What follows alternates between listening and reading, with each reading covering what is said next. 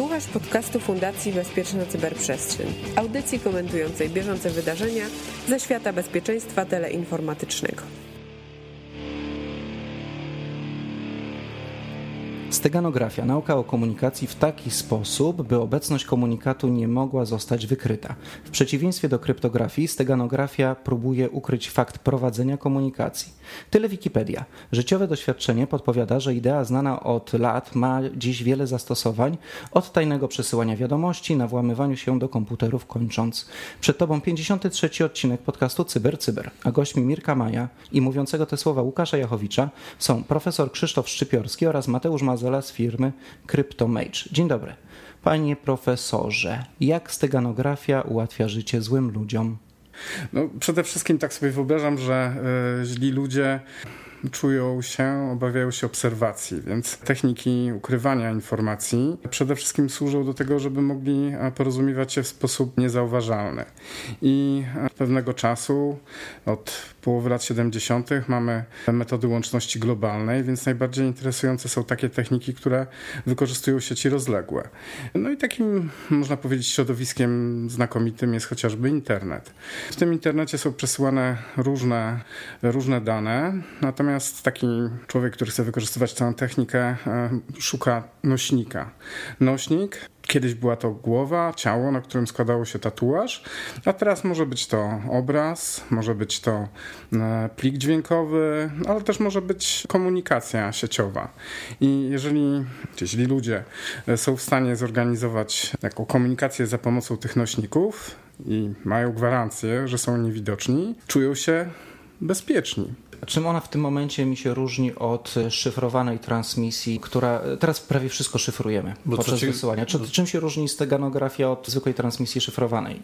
Bo co ciekawe, jak weźmiemy sobie etymologię tych terminów, to zarówno i krypto, jak i stegano, tak, to znaczy ukryty. Więc na czym ta różnica, tak jak Łukasz pyta, rzeczywiście polega? Zanim odpowiem na to pytanie, to tylko może zaznaczę, że na początku, wiele wieków temu, nie było podziału na te dziedziny i można w zasadzie powiedzieć, że kryptografia wyrosła e, ze steganografii. Ludzie mieli skłonność do ukrywania informacji, ale też w taki sposób no, istnieją pewne e, genezy, że języki, e, które się wykształcały w sąsiedztwie, mm, różnice, które w nich występowały, brały się z tego, że powiedzmy rodziny, które żyły obok, chciały, e, żeby nie było można podsłuchać, więc pewne słowa miały inne znaczenie. No, takim idealnym przykładem jest język polski i język słowacki czy czeski. Jest tam trochę słów, które mają e, znaczenia, można powiedzieć... Przeciwstawne. Tak. Natomiast jakby wracając do głównego pytania, y, to są techniki ortogonalne, czyli one, mm, one się nie wykluczają, natomiast szyfrowanie, kryptografia to jest coś, co jest jawne, czyli znaczy oczywiście tekst, tekst jest ukryty, ale jest jawne to, że szyfrujemy. Natomiast y, steganografia to jest coś, y, o czym nie chwalimy się, dlatego że o ile istotą samego szyfrowania jest ukrycie treści, o tyle istotą steganografii jest ukrywanie E, faktu komunikacji, czyli e, jeżeli e, tylko ktoś powie, o, to jest ukryty kanał, to znaczy, że już skompromitował tę transmisję, dlatego że to znaczy, że komunikują się jakieś strony, które być może nie powinny się komunikować. A w praktyce, to co, co, gdzie mogę ukryć jakiś przekaz steganograficznie? W zasadzie w, w, każdym elemencie, który występuje w sieci. Zaczynając od samego dołu w takim podejściu warstwowym, e, gdzie jest transmisja, może być to w kodach nadmiarowych, może być to w sposobie, jak się moduluje sygnał, to może być wyżej w warstwach, które odpowiadają za komunikację punkt-punkt, mogą być to przekłamane sumy kontrolne, e, wyżej może być to pole, które jest nadmiarowe, niżej też, ale tam mm, powiedzmy w warstwie sieciowej jest tych takich miejsc bardzo wiele i tak do góry możemy dochodzić aż do obrazów. Jedna z takich technik, o której mogę powiedzieć, to jest technika, e, która bazuje na e, hashtagach. Hashtag jest pewnym zbiorem informacji. Jeżeli mamy pięć hashtagów, to e, możemy je uporządkować pięć dnia ustawień i na tej podstawie mieć pewne klucze, które wiążą ze sobą te wiadomości. Te wiadomości mogą być na różnych mediach społecznościowych, społecznościowych, mogą kierować do większych zbiorów danych, które no, nie mają takiego limitu ograniczeń jak chociażby Instagram czy e, Twitter. Tak jak kiedyś mówiło się, że szpiedzy komunikują się na przykład umieszczając ogłoszenie w New York Timesie i treść, że sprzedam mieszkanie takie a takie oznaczało spotkajmy się o 17, to tutaj mamy odpowiednie ustawienie komunikatu na platformie społecznościowej mówić, mówiące tak się bawiłem się podczas imprezy i to może znaczyć coś zupełnie innego dla wtajemniczonego odbiorcy, tak? Tak. I jakbym mógł to wykorzystać praktycznie, jeżeli chciał na przykład wypchnąć dane, które gdzieś znalazłem w jakiejś firmie, chciałbym wypchnąć tajne dane finansowe i jak mogę to, ten fakt ukryć, że wypycham te dane z, z danej sieci?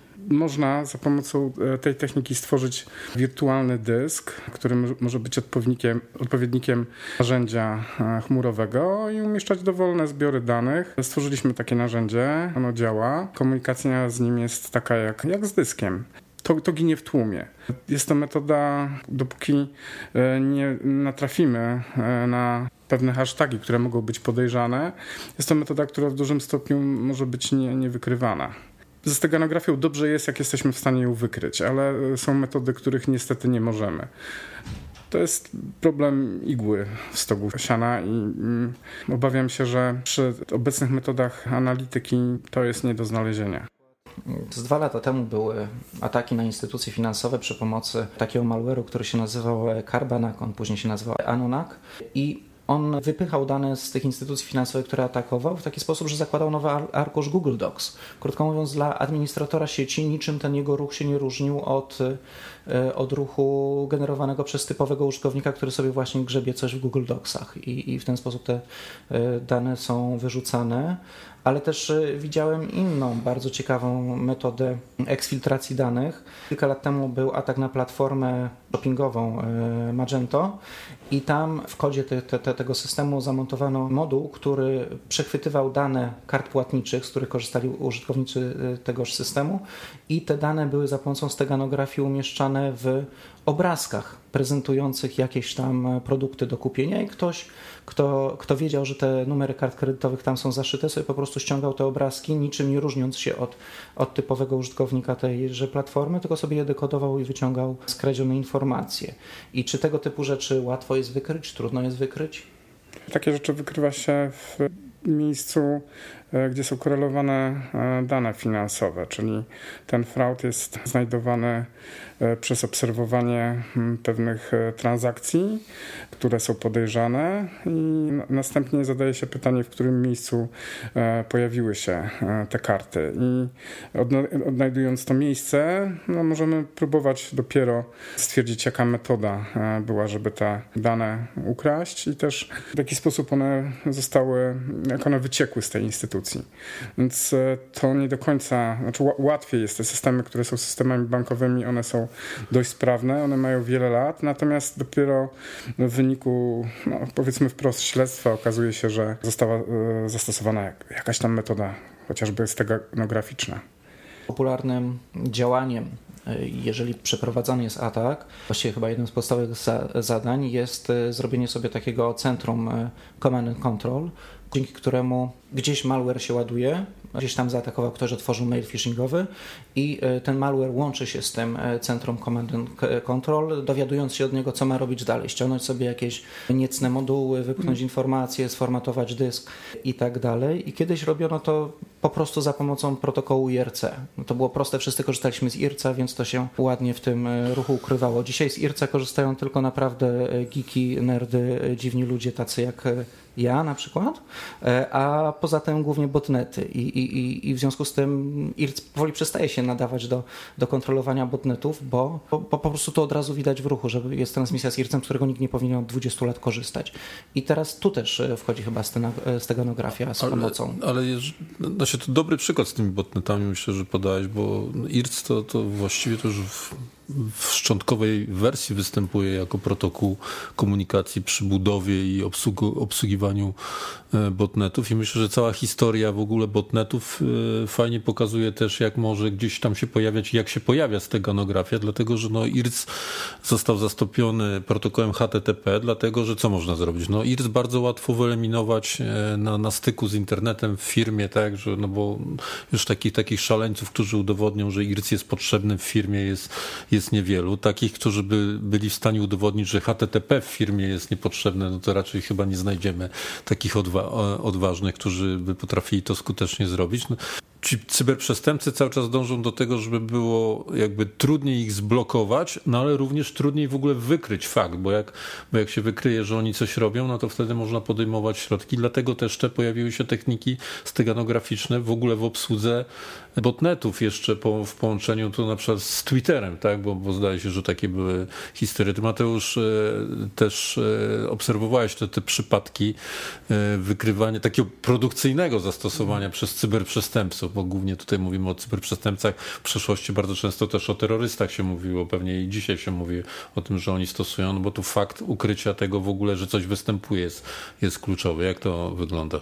A czy w tym momencie to wygląda na tej zasadzie, że najczęściej Y, jeżeli chodzi o wykorzystanie steganografii w mediach społecznościowych, opiera się to wszystko na właśnie ukrytych wiadomościach w plikach graficznych, czy to w na przykład obrazkach wrzucanych na, na Twitterze, czy to na przykład y, podczas przeprowadzania kampanii reklamowych. Tak samo zdarzają się sytuacje, kiedy na przykład możemy pobrać sobie plik PDF, w którym jest ukryta informacja, więc tak naprawdę wszędzie, gdzie istnieje platforma do publikowania jakiegoś obrazku, jesteśmy narażeni jednak na, na właśnie ataki ze strony przestępców, którzy tą steganografię wykorzystują. Dla mnie w ogóle ciekawe jest zagadnienie też, zastanawiam się, co, jakie jest wasze zdanie na ten temat, bo te, tak przygotowując się, analizowałem te różne przypadki, które były. I tutaj w odróżnieniu, znaczy to porównanie z teganografią, cały czas do tego wracamy, steganografia i kryptografia. W odróżnieniu od kryptografii, gdzie bardzo często podajemy, bym to nazwał po prostu pozytywne przykłady wykorzystania steganografii, bo one są, służą prywatności, prawda, jakiejś komunikacji, nikt się tego nie wstydzi, tak, e, po prostu jest to, jest to stosowane. To w przypadku steganografii, czy wy znacie przykłady, które, że tak powiem, ktoś, e, znaczy to trochę jest wbrew idei, tak, żeby się chwalić, że używam steganografii, ale generalnie rzecz biorąc innego, powiem tak, innego niż w celach przestępczych wykorzystywania steganografii. Czy to jest przypisane już do świata poniekąd przestępczego, którego się obawiamy i dlatego, dlatego próbujemy to wyłapać? Broń Boże, że to jest tylko świat e, złych ludzi. Dobrzy ludzie mm, też czasami potrzebują e, używać e, takiej techniki. W szczególności jak na przykład kupili jakiś sprzęt, który ma przeróżne certyfikaty, jest kupiony od też dobrych ludzi, ale jednak jest takie podejrzenie, że może jednak te informacje, które są wymieniane, mogą w jakiś sposób wyciec. No i wtedy dobrzy ludzie są mieć taki system komunikacyjny zapasowy. Chcą być pewni, że te informacje nie są przechwytywane przez e, no, dobrych ludzi mhm. lub osoby współpracujące z nimi, którzy sprzedali im ten sprzęt. I takie mm, jest to praktykowane e, w krajach, które nie wytwarzają e, swojego sprzętu komunikacyjnego od początku do końca. Wydaje mi się, że też są bardziej prozaiczne zastosowania, chociażby watermarking. Jeżeli, żeby sobie przypisać autorstwo zdjęcia przez siebie zrobionego, możesz go steganograficznie opisać. Ja się z czymś takim spotkałem mniej więcej w roku 97, kiedy jakaś firma wypuściła takie narzędzie. 97 rok, pamiętajmy, kiepskie skanery, bardzo złe drukarki. I byłem zafascynowany tym, że mogłem sobie jakieś zdjęcie zrobić, obrobić je przez ten dziwny ich program. Zdjęcie na pierwszy rzut oka się nie różniło, po czym je sobie wydrukowałem na tej naprawdę słabej drukarce, zeskanowałem je naprawdę kiepskim skanerem, przepuściłem znowu przez ten program i od razu mi powiedział, tak, tu jest twój stamp, to jest twoje zdjęcie, mamy na to dowód.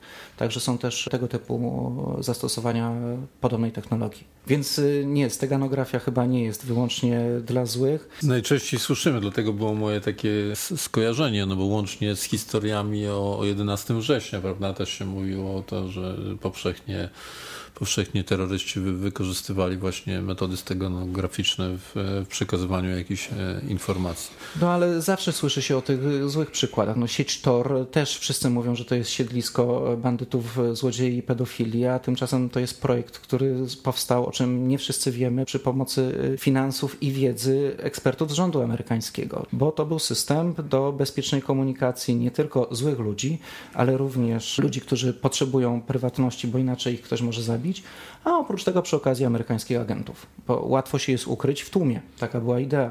Jeżeli wszyscy będziemy używać Tora, to amerykańscy szpiedzy, którzy też będą go używać, nie będą tak od razu na widelcu. Więc myślę, że ta steganografia jest, jest technologią, która znowu jak medal ma, ma dwie strony i dwa rodzaje wykorzystań poruszyłeś ważny temat prywatności i e, myślę, że są kraje, którym te techniki, te narzędzia pozwalają na dostęp do pewnych informacji, które są zastrzeżone, które są ograniczane, też umożliwiają informowanie świata, e, co się dzieje. Do nas zgłaszały się różne organizacje z reżimów e, z prośbą o udostępnienie takich narzędzi.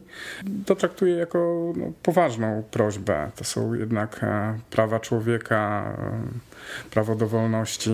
To jest ta dobra strona, wydaje mi się, steganografii. Czy tutaj oczywiście tylko jest taki, bo, bo, tutaj cały challenge jakby drugiej strony polega na wykryciu faktu, tak? Fakt. Bo rozumiem, mhm, że, tak. że, że później jakby to już idzie tro, trochę jak zdecydowanie łatwiej, tak? Że, że jak mamy ten fakt, to samo rozpracowanie metody steganograficznej jest zdecydowanie prostsze niż w przypadku kryptografii. Tak? Czasem nawet do tego nie dochodzi, że samo na przykład wychwycenie, że z jakiegoś państwa jakaś grupa mhm. kontaktuje się z otoczeniem, to już tak naprawdę... To jest wystarczający tak, fakt. Tak? tak, no bo co oni mogą przesyłać? No, no wiadomo informacje, których no tak, nie powinni, tak, więc... Tak jak w działalności biznesowej, tak? tak. No jakby fakt kontaktu się jak, jakichś podmiotów już o czymś świadczy. Tak, no. to, to no, nie wiem, analiza aktywności to już jest mhm. to, że pali się w nocy gdzieś światło w części jakiegoś budynku, to...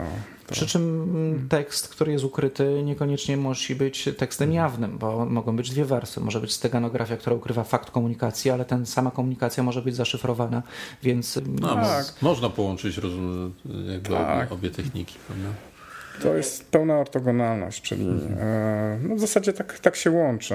Jak się zawsze zastanawiałem, w jaki sposób niezauważenie wypchnąć z, z jakiejś sieci dużą ilość danych, tak żeby tego nie zauważyć, to, to żeby ktoś tego nie zauważył, to chyba najprostszą metodą jest wyrzucenie w świat filmu wideo. Jak ładujesz e, film gdzieś e, na platformę społecznościową, wszyscy to powoli zaczynamy robić, więc ten fakt sam transmisji jest niezauważony, a w filmie można zmieścić naprawdę, naprawdę dużo, dużo danych. Natomiast jakbyśmy zrobili taki przekrój według warstw sieci, to okazałoby się, że najwięcej informacji można przesłać w warstwach e, najniższych. To są megabity na sekundę. Natomiast tu jest raczej kłopot z tym, że taka steganografia nisko, e, powiedzmy, warstwowa jest ograniczona, jeżeli chodzi o rozległość transmisji to jest 100 metrów, kilometr. Natomiast bardziej nam zależy na takich metodach, które są e, oczywiście globalne, raz.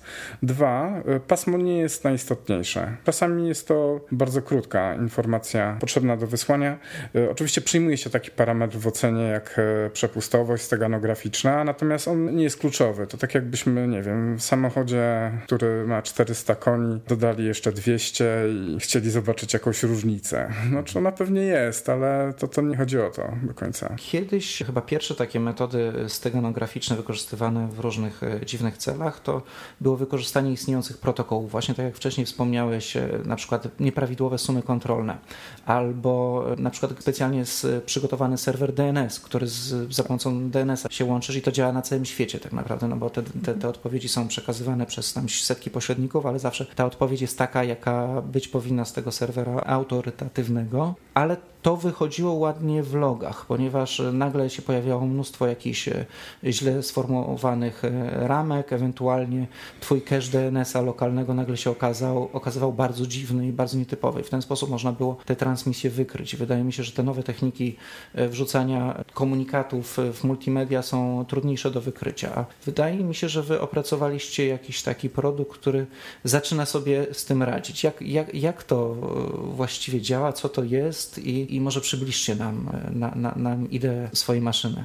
Opracowaliśmy sondę sieciową, która pozwala na odnajdywanie w sieciach anomalii, bo to, o czym mówiłeś w dużym stopniu, można traktować jako anomalię i powiązać ze steganografią. Taki jest klucz. Patrząc na steganografię, okazało się, że 90% metod używanych to są metody, które są fatalne. Z tych pozostałych 10, 90% to są takie metody, które są złe. A ten 1% to są te metody, które są naprawdę dobre. Z Skupiliśmy się przede wszystkim na steganografii sieciowej. Tutaj te metody, które są kiepskie, są wykrywane w każdej części sieci. Metody, które są dobre, są niewykrywalne przy źródle takich komunikatów ukrytych. Nasza sonda w dużym stopniu wykorzystuje część teorii, które stworzyliśmy, do tego, żeby takie zdarzenia, które anomaliami są, wykrywać i w ten sposób detekować ukryte kanały. Mnie zastanawia w ogóle, bo, bo to jest, mówimy o takim elemencie, który jest elementem z pewnością gdzieś bezpieczeństwa w ogóle sieciowego, tylko teraz spróbuję to jakby włożyć w taką architekturę, powiedzmy, no jestem odpowiedzialny za to cyberbezpieczeństwo w swojej organizacji, w dużym podmiocie, niech to będzie bank, czy nie wiem, jakaś firma energetyczna i próbuję to włożyć w swoją architekturę cyberbezpieczeństwa, więc pierwsze pytanie w ogóle, które bym sobie zadał, dlaczego ja w ogóle mam zacząć się zajmować wykrywaniem anomalii związanych ze steganografią. Dlaczego to jest dla mnie groźne i, nie wiem, muszę gdzieś tam mieć jakieś rozwiązanie, które ma się tym zajmować. To jest zawsze pytanie o odpowiedzialność i moment, e, w którym chcemy wykryć atak. Możemy go wykryć post factum. Ale to może być e, atak na mnie, tak? To, to... Tak, znaczy, e, może być to atak na jakąś infrastrukturę związany z wyciekiem. Ta infrastruktura może się stać częścią botnetu, który jest kontrolowany w taki sposób za pomocą kanałów, które są no, potencjalnie niewidoczne.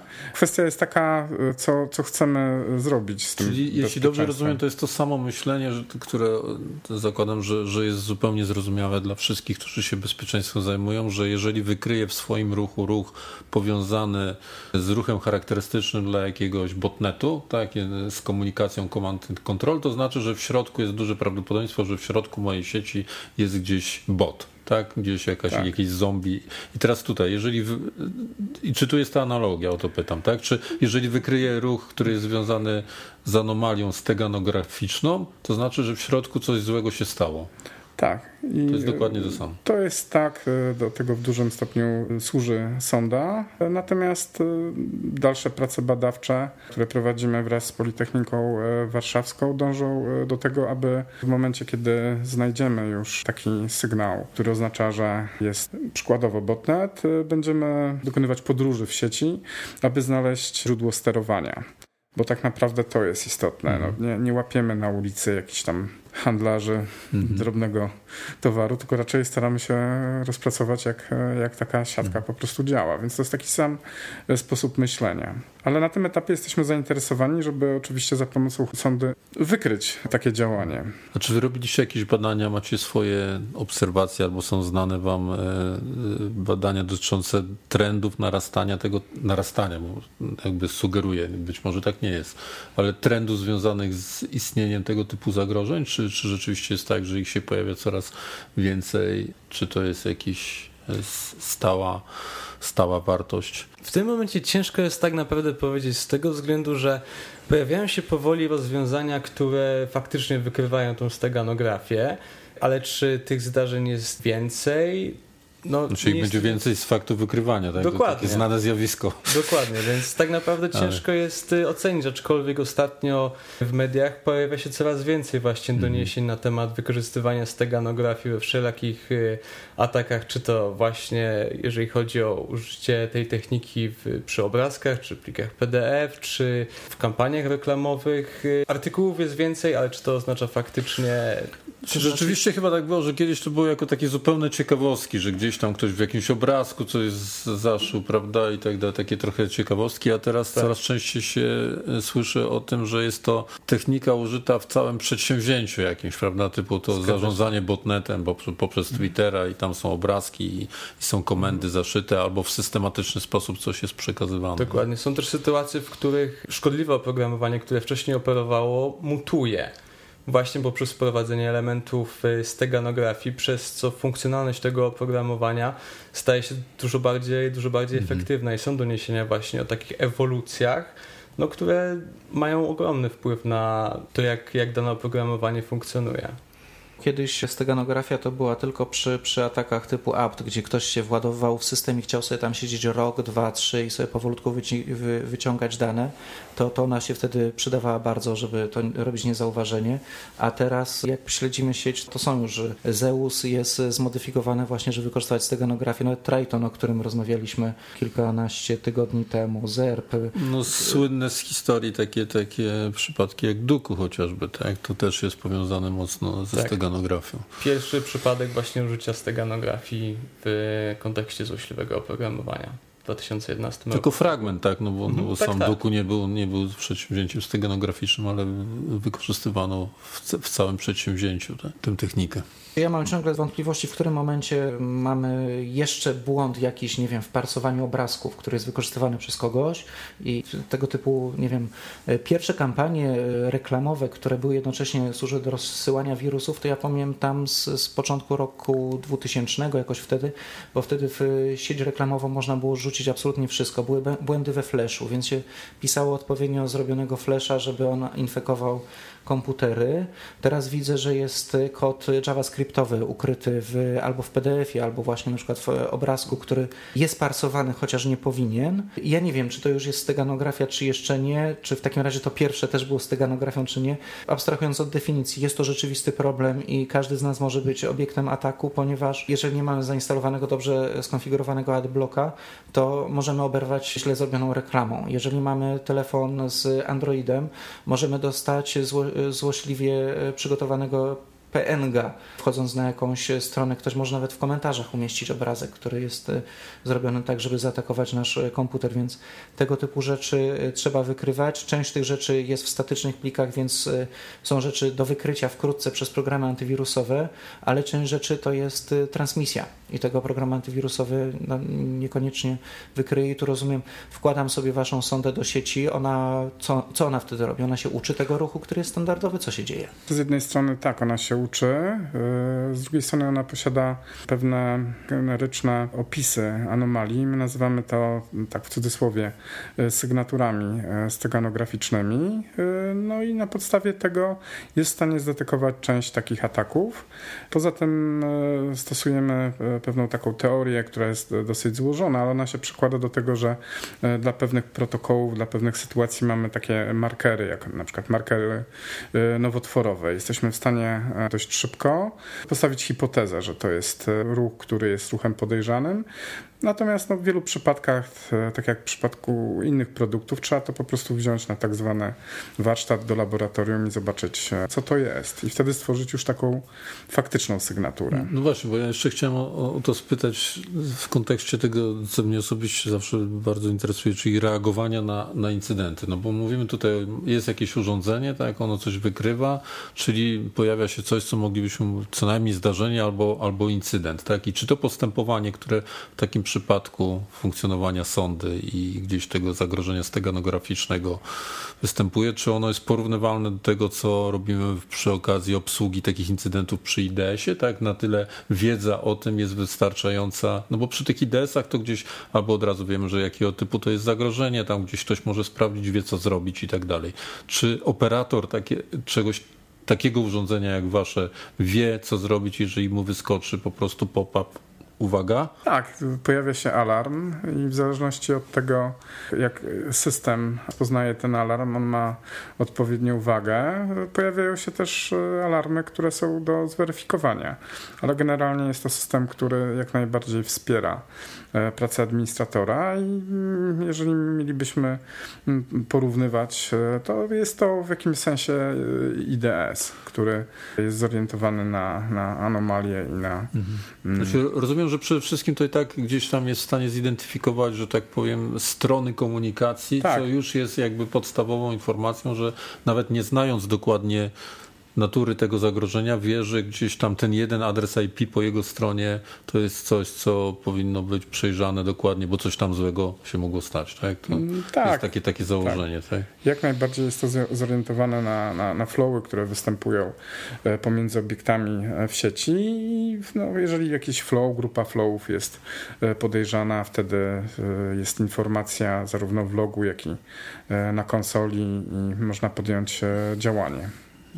To, znaczy ja, dla mnie osobiście było bardzo interesujące, jakbyśmy mogli za jakiś czas się spotkać i jakbyście powiedzieli te doświadczenia już e, takie bym to nazwał produkcyjne, ile tego rzeczywiście jest, jak to uzupełnia, no bo dla mnie to jest takie uzupełnienie, dojrzałe uzupełnienie istniejącego systemu bezpieczeństwa o komponent, który no dużo wskazuje na to, że jakby odgrywa coraz istotniejszą rolę, tak? I, i powinien być uwzględniony przez tych, którzy gdzieś tam chcą mieć komplementarny po prostu system, który również na tego typu zagrożenia e, będzie przygotowany. Rozumiem, że teraz CyberEye jest już w testach u potencjalnych klientów, on sobie tam zbiera informacje i jest testowany na żywym organizmie. Taki jest teraz status? Tak, tak, dokładnie. W tym momencie mamy y, nasze urządzenia zaimplementowane w dwóch firmach. Działają w tym momencie, zbieramy właśnie feedback, recenzje i... To myślę, że powinniśmy się rzeczywiście spotkać za parę miesięcy, bo jestem bardzo ciekaw, jak to działa na żywym organizmie. Koncepcja jest, jest naprawdę niesamowicie e, fajna i, i w sumie to jest ten moduł e, do IDS-a, którego nam do tej pory brakowało, bo to jest e, wyszukiwanie nawet nie igły w stogu siana, ale faktu istnienia igły i, i, i to jest rzeczywiście dosyć nowe podejście.